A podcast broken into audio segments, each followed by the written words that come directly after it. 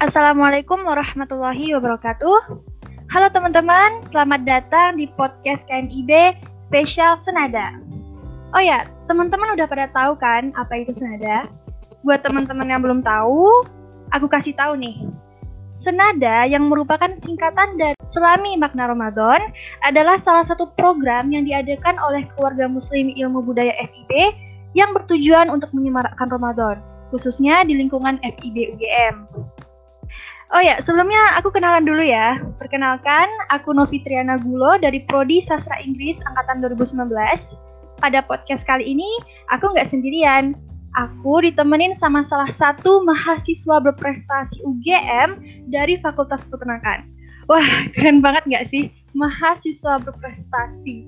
Nggak kaleng-kaleng pastinya ini. Dan pada kesempatan kali ini, beliau bersedia untuk menjadi narasumber kita. Hmm, kayaknya teman-teman yang de lagi dengerin udah pada penasaran nih. Langsung aja ya, aku kenalin ke teman-teman. Di sini bersama aku ada Kak Umu Kulsum Nur Isnaini atau yang lebih sering dipanggil Kak Umu. Kita sapa dulu nih Kak Umunya. Halo Kak Umu. Halo, Assalamualaikum Novi dan teman-teman. Waalaikumsalam warahmatullahi wabarakatuh. Gimana kabarnya nih Kak? Sehat? Oke, alham iya, alhamdulillah sehat walafiat. Novi sehat kan? Alhamdulillah, alhamdulillah sehat juga kak. Um, Oke, okay. okay. um, se uh, teman-teman, seperti yang aku mention di awal tadi, Kak Umu ini adalah mahasiswa berprestasi UGM dari Fakultas Peternakan. Gak cuma itu, Kak Umu juga memiliki banyak pengalaman di organisasi-organisasi seperti di komunitas mahasiswa berprestasi UGM. Kak Umu pernah menjadi kepala sekretaris bendahara loh. Kak Umu juga aktif di organisasi mahasiswa Sragen Gajah Mada dan sampai sekarang aktif di lembaga dakwah kampus UGM dan menjadi kepala tim publikasi divisi media center. Gak hanya aktif di organisasi, Kak Umu juga aktif di kegiatan volunteer seperti di komunitas Bumi Muda dan komunitas Gajah Mada Menginspirasi. Dan saat ini Kak Umu juga menjadi mahasiswa beasiswa UGM Residence. Wah, luar biasa banget narasumber kita pada hari ini. Aku jadi semakin semangat nih Kak untuk sharing-sharing bareng Kak Umu. Dan langsung aja kita masuk ke topik pembahasan hari ini. Kali ini kita akan bahas sebuah topik yang relate banget dengan kehidupan perkuliahan. Tentunya ini juga menjadi salah satu concern bagi banyak mahasiswa, yaitu how to balance campus life and spiritual needs. Langsung aja ya kak, aku pengen nanya nih sama kakak. Berdasarkan pengalaman kak umum, uh, selama tiga tahun ini menjadi mahasiswa, menurut kakak seberapa penting sih seorang mahasiswa untuk dapat menyeimbangkan urusan dunia dan akhirat? Oke, pertanyaannya cukup berat ya sebetulnya buat saya. Tapi kalau ditanya seberapa penting, tentu saya yakin tidak hanya saya pribadi gitu ya, tapi juga banyak orang di luar sana pasti sepakat bahwa kita menyeimbangkan urusan duniawi dan juga ukhrawi itu sesuatu yang penting gitu untuk kita usahakan bareng gitu. Kalau pertanyaannya seberapa penting, pasti penting banget gitu. Nah, uh, apalagi kalau kita bicara soal posisi kita sebagai mahasiswa gitu ya. Jadi kalau kita kerucutkan lagi seberapa penting sih mahasiswa itu untuk menyeimbangkan urusan duniawinya dan juga urusan akhiratnya kayak gitu. Nah, kalau saya bilang di sini ya pasti penting banget gitu untuk menyeimbangkan keduanya gitu. Karena cuman di sini yang kadang jadi masalah adalah kadang-kadang kita masih suka ketemu gitu ya beberapa orang yang masih seolah-olah mendikotomi keduanya gitu. Sehingga jatuhnya nanti jadi terlalu condong ke satu sisi atau di sisi yang lainnya gitu. Padahal kalau kita pahami lebih dalam nih segala perkara duniawi itu sebetulnya selalu berdampingan gitu kan dengan yang namanya mencari ridhonya Allah gitu. Misalnya nih kita mahasiswa gitu kan. Kita kewajibannya kuliah gitu, mencari ilmu gitu kan. Atau kita bekerja misalnya part time kayak gitu. Nah, itu kita mungkin bisa bilang ya, kita kadang suka bilang itu termasuk dalam urusan dunia kayak gitu. Yang nantinya bakal jadi bekal kita nih semasa kita hidup di dunia. Nah, cuman ketika kita kuliah, ketika kita kerja, itu nanti kita niatkan misalnya ikhlas buat mencari ridhonya Allah, perkara yang tadinya tuh cuman kayak perkara duniawi itu akhirnya jadi sesuatu yang bernilai ibadah juga kan di situ. Nah, jadi konsepnya kalau bisa sih kayak gitu gitu. Prinsip saya sih seperti itu. Jadi sebisa mungkin kita maksimalkan potensi diri kita juga, maksimalkan masa muda kita gitu kan. Segala yang kita punya lah gitu kita usahakan di dunia ini itu buat mencari keriduan Allah gitu. Jadi supaya balance gitu. Kita juga duniawinya dapat, akhiratnya juga nggak ketinggalan kayak gitu. Jadi basic spiritual itu penting untuk dimiliki sama mahasiswa. Gitu Novi.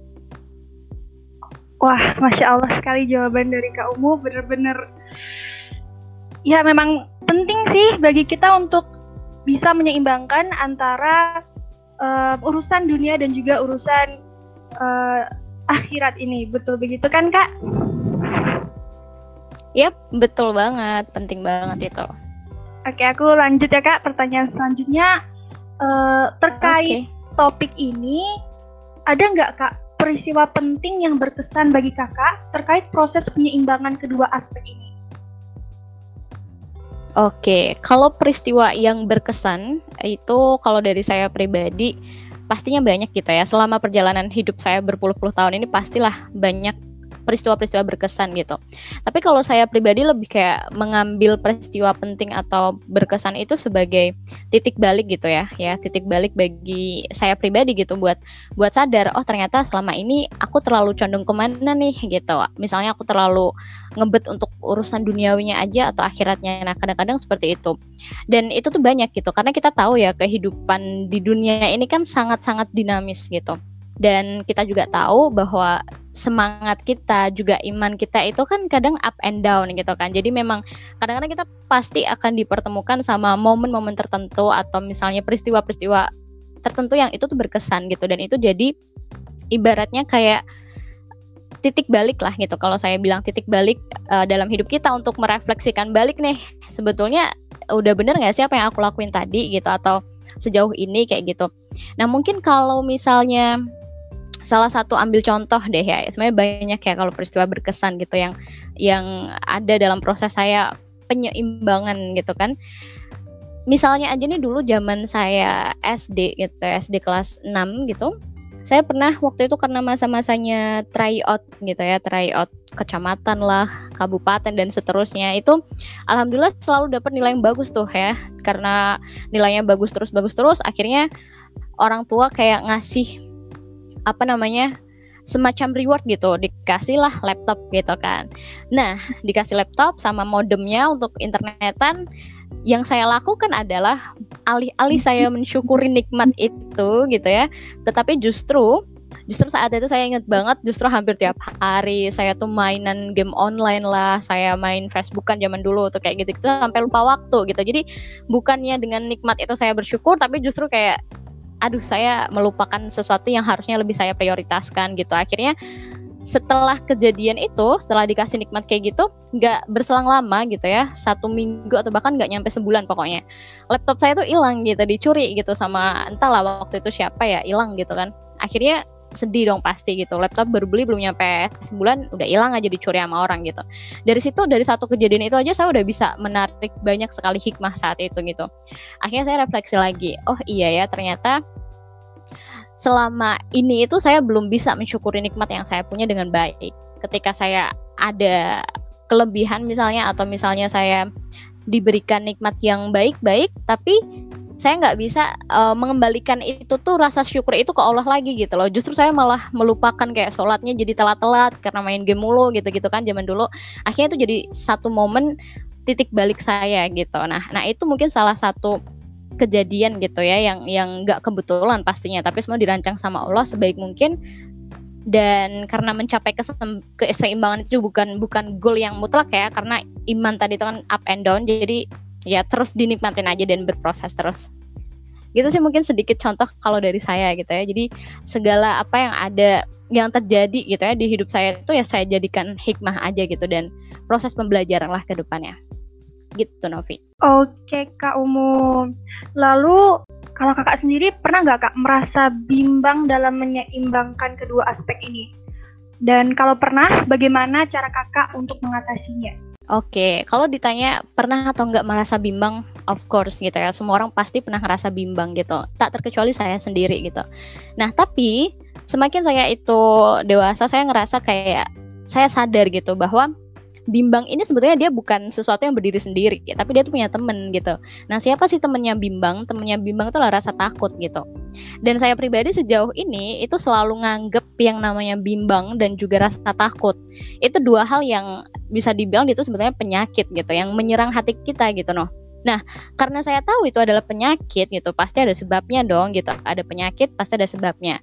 Nah, untuk tahu gimana cara kita ngatasin sesuatu atau penyakit itu kan kita harus tahu dulu apa sih sebabnya gitu. Nah, apa sih yang bikin kita tuh bimbang, akhirnya timbul rasa sakit, timbul rasa takut gitu ya, bukan sakit ya. Nah, itu kalau saya pribadi itu biasanya timbul rasa takut atau bimbang itu karena ketidakpastian gitu kan. Atau biasanya timbul karena perkara yang akan datang yang itu tuh belum tentu akan terjadi sebetulnya.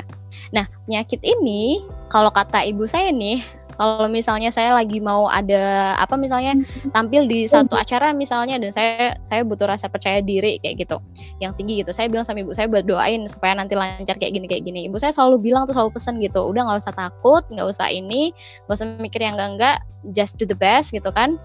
Karena asal kamu yakin gitu ya asal kamu yakin sama kemutlakan kekuasaan Allah gitu kalau kita bilang kayak gitu tawakal gitu ya sama Allah ya menurut saya nggak nggak terlalu jadi masalah sih gitu. Ketika kita mau mencapai apa pun ya bukan hanya dalam artian bukan hanya dalam proses kita menyeimbangkan kedua aspek ini aja gitu. Kita tawakalnya sama Allah gitu. Tapi dalam aspek apa pun ya kalau bisa cara mengatasi kebimbangan ini gitu dalam hal apa pun ya itu aja tawakal aja sama Allah gitu. Jadi apa ya ibaratnya kalau tawakal itu ya kita istilahnya kita serahkan gitulah ya kita serahkan hasilnya itu sama Allah gitu. Jadi kita yang penting uh, just do it aja ya nikmati prosesnya gitu ya. Lakuin aja apa yang ada dalam kontrol kita gitu. Yang yang nggak ada dalam kontrol kita itu nggak usah terlalu dipikirin lah nggak usah terlalu overthinking gitu. Karena itu nanti yang bisa uh, menimbulkan yang namanya kebimbangan ya. Terus juga akhirnya nanti jadi rasa takut yang berlebihan kayak gitu. Nah jadi ya apa yang bisa kita lakuin ya apa yang ada dalam kontrol kita aja gitu lakuin itu aja nggak usah terlalu berpikiran terlalu jauh-jauh banget gitu gitu aja sih biar santai gitu menikmati hidup gitu oh jadi jangan overthinking gitu ya kak Iya, tawakal aja gitu. Pokoknya kalau melakuin apa pun, yang penting kita udah preparation dengan baik, kita serahin hasilnya sama Allah gitu, gimana baiknya. Terus juga santuy aja gitu. Gak usah terlalu overthinking gitu karena kadang-kadang kan uh, kita itu kebiasaan kita adalah terlalu memikirkan sesuatu di masa masa depan yang sebetulnya itu di luar kontrol kita gitu. Yang bisa kita lakukan adalah preparation itu sebetulnya. Kita preparation sebaik mungkin supaya nanti hasilnya itu juga akan baik gitu. Setidaknya kita meminimalisir hal-hal yang tidak kita inginkan di masa depan ya dengan preparation yang baik di masa sekarang gitu. Jadi supaya kita bisa lebih menikmati hari lah gitu. Jadi kalau terlalu overthinking jauh banget tuh kadang-kadang kita nggak bisa menikmati hari ini gitu loh. Karena pikiran kita tuh ke aduh besok gimana besok gimana gitu gitu nikmatin dulu aja hari ini gitu dan lakukan yang terbaik saat ini gitu Nov. Wah bener-bener insightful sih eh, jawaban dari Kak Omu aku pengen nanya lagi nih Kak. Apakah tantangan terbesar bagi Kakak dalam proses menyeimbangkan kedua aspek ini? Oke, tantangan terbesar bagi saya pribadi adalah dalam hal apa pun ya, dalam ter terutama tuh dalam proses menyeimbangkan dua aspek ini tentu adalah diri saya sendiri. Itu tantangan terbesar sih gitu. Kenapa saya bilang kayak gitu? Karena ya balik lagi gitu. Tujuan kita supaya kita hidup bisa balance gitu ya antara antara misalnya ukhrawi dan juga duniawi itu kan juga sebetulnya untuk kebaikan diri kita sendiri. Nah, maka yang yang menjadi tantangan terbesar itu sebetulnya juga diri kita sendiri. Ketika misalnya nih kita pengen ngelakuin sesuatu atau bikin habit yang baik nih buat diri kita sendiri gitu. Tapi kadang-kadang kita pasti muncul juga tuh habit yang buruk, misalnya mageran lah atau malesan atau segalanya kayak gitu-gitu yang buruk-buruk gitu yang kita nggak inginkan. Nah itu juga kan jadi tantangan besar gitu ya. Gimana sih diri kita ngebawa ngebawa kita mengendalikan diri kita sendiri itu yang yang jadi tantangan besar gitu. Dalam proses mencapai apa pun sih sebetulnya gitu. Gimana cara kita bisa mengendalikan diri kita gitu ya ketika kita misalnya lagi futur gitu ya lagi imannya lagi down banget lagi semangatnya lagi down banget itu sebetulnya yang bisa membangkitkan itu ya diri kita sendiri gitu kan. Makanya tantangan terbesar di saya itu ya diri saya sendiri sebetulnya. Gitu. Kira-kira tantangan terbesarnya Novi apa nih sama kayak Kak Umu deh kayaknya. Uh, memang diri sendiri itu menjadi penghalang buat kita kalau kita memang ngasih hal batasan terhadap hal yang kita kerjakan. Dan kalau kita memang benar-benar enjoy aja dan ya mau untuk maju, insya Allah kita bisa lah kayak gitu ya. Intinya dari diri kita yeah. sendiri. Menurutku gitu sih kak. Iya, mm -mm. makanya kita harus selesai dulu dengan diri kita sendiri supaya enak hmm, gitu kan buat meraih apa pun yang jadi impian kita gitu. Harus tahu, harus kenal sama diri sendiri dulu gitu. Intinya nah itu. Oke, terima kasih Kak Umu. Iya. Luar biasa sekali jawaban-jawaban dari Kak Umu. Dan ternyata pertanyaan tadi itu adalah pertanyaan terakhir, Kak. Udah gak kerasa banget. Oh, oke, okay, okay. siap-siap. Bener-bener rasanya tuh dengerin jawaban dari Kak Umu bener-bener kayak, wah ternyata nggak kerasa aja udah selesai nih kayak gitu. Benar-benar insightful. Dan diskusi hari ini aku dapat beberapa kesimpulan nih. Jadi yang pertama kita harus penting untuk dapat memaksimalkan potensi dan masa muda kita untuk menggapai ridho Allah. Sehingga oleh karena itu kedua aspek ini yaitu aspek dunia dan aspek akhirat itu sangat penting buat kita uh, sebagai mahasiswa dan segala peristiwa yang terjadi dalam kehidupan kita itu kita harus mengambil uh, makna dari sana agar bisa menjadi titik balik buat kita. Kita belajar dari hal-hal tersebut.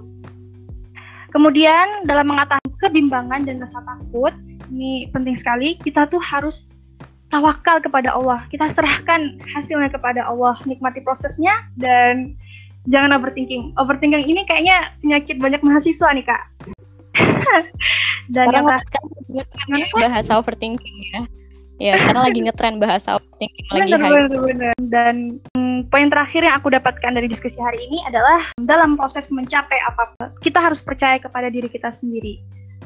Kita maksimalkan segala potensi yang kita miliki. Dan terima kasih buat Kak Umu yang udah mau berbagi ilmu hari ini sharing pengalaman dan meluangkan waktu untuk menjadi narasumber pada podcast KMIB Spesial Senada hari ini. Bener banyak banget hal yang bisa kita ambil pada kesempatan kali ini. Oh ya mungkin ada closing statement dari Kak Umu Kak. Monggo Kak. Oke, boleh deh ya sedikit closing statement dari saya. Tentunya kita udah sama-sama tahu lah ya bahwa dalam sebagai seorang muslim gitu ya dalam agama Islam kita tuh dianjurkan untuk sebisa mungkin kita menyeimbangkan yang namanya dalam kita menyikapi kehidupan dunia dan juga akhirat gitu. Jadi usahakan untuk tidak berlebihan pada dunia, sebaliknya juga tidak berlebihan pada akhirat gitu. Dan ada sebuah ungkapan juga gitu ya yang saya uh, sering jadikan apa ya istilahnya pedoman gitu bahwa dunia ini tuh ladang akhirat gitu. Jadi maksudnya ya bagaimana kita bersikap gitu terhadap dunia itu supaya itu jadi bekal kita sebagai dunia itu bukan tujuan utama tapi dunia itu jadi ladang di mana kita tuh nanem gitu ya berbagai amal kebaikan gitu ya untuk nantinya bisa kita panen di akhirat gitu. Jadi kalau amal yang kita tanam selama kita di dunia itu bibitnya tuh nggak baik ya kita siap-siap aja gitu manen hasilnya nanti di akhirat juga nggak baik gitu. Pun sebaliknya seperti itu. Jadi um, dengan begitu gitu ya sebagaimana akhirat harus dipersiapkan maka dunia juga harus dijadikan tempat untuk kita mempersiapkan sebanyak-banyak bekal kebaikan untuk nantinya menuju kehidupan kekal di akhirat nanti gitu. Jadi semangat terus untuk menjadi diri kita yang lebih baik ya dari hari kemarin. Dan tentunya untuk proses kita ini kan topiknya proses untuk menyeimbangkan antara dunia dan akhirat. Itu menurut saya proses yang tidak akan ada hentinya gitu ya. Jadi proses umur hidup gitu. Jadi jang, tidak selesai dengan satu goal. Jadi kalau misalnya kalian ngerasa oke okay, aku udah bisa satu langkah lebih baik hari ini, gerak lagi. Jangan jangan terus berhenti gitu ya ngerasa udah udah paling benar, udah paling baik gitu hari ini tapi gerak lagi ya. Tentukan tujuan-tujuan yang lain ke depannya ketika kalian udah mencapai tujuan yang satu gitu. Dan pesan saya tetap libatkan Allah dalam setiap jengkal nafas kita supaya nanti lebih berkah ya apa pun yang kita lakukan. Gitu aja sih Nov. Terima kasih. Terima kasih kembali buat Kak Umu. Aduh Kak. Bener kita tuh harus melibatkan Allah dalam segala aktivitas kita. Karena ya segala hal yang terjadi dalam diri kita itu semuanya itu uh, berasal dari ridhonya Allah begitu. Jadi memang penting sekali ya bagi kita untuk bisa melibatkan Allah dalam segala aktivitas kita. Sekali lagi terima kasih buat Kak Umu yang udah menyempatkan hadir hari ini. Uh, semoga teman-teman yang mendengarkan bisa terinspirasi karena banyak banget hikmah yang bisa kita petik dari diskusi kali ini. Uh, I think it's time to say goodbye. Aku tutup aja. Sampai jumpa di podcast KMIB spesial Senada yang kedua tentunya dengan topik yang juga sangat menarik bersama narasumber yang gak kalah keren. Uh, jangan lupa ikutin program-program Senada yang lainnya ya. Untuk informasi lebih lanjut mengenai kegiatan Senada dan KMIB, teman-teman bisa follow IG-nya di @kmib underscore UGM. Akhir kalam, Assalamualaikum warahmatullahi wabarakatuh.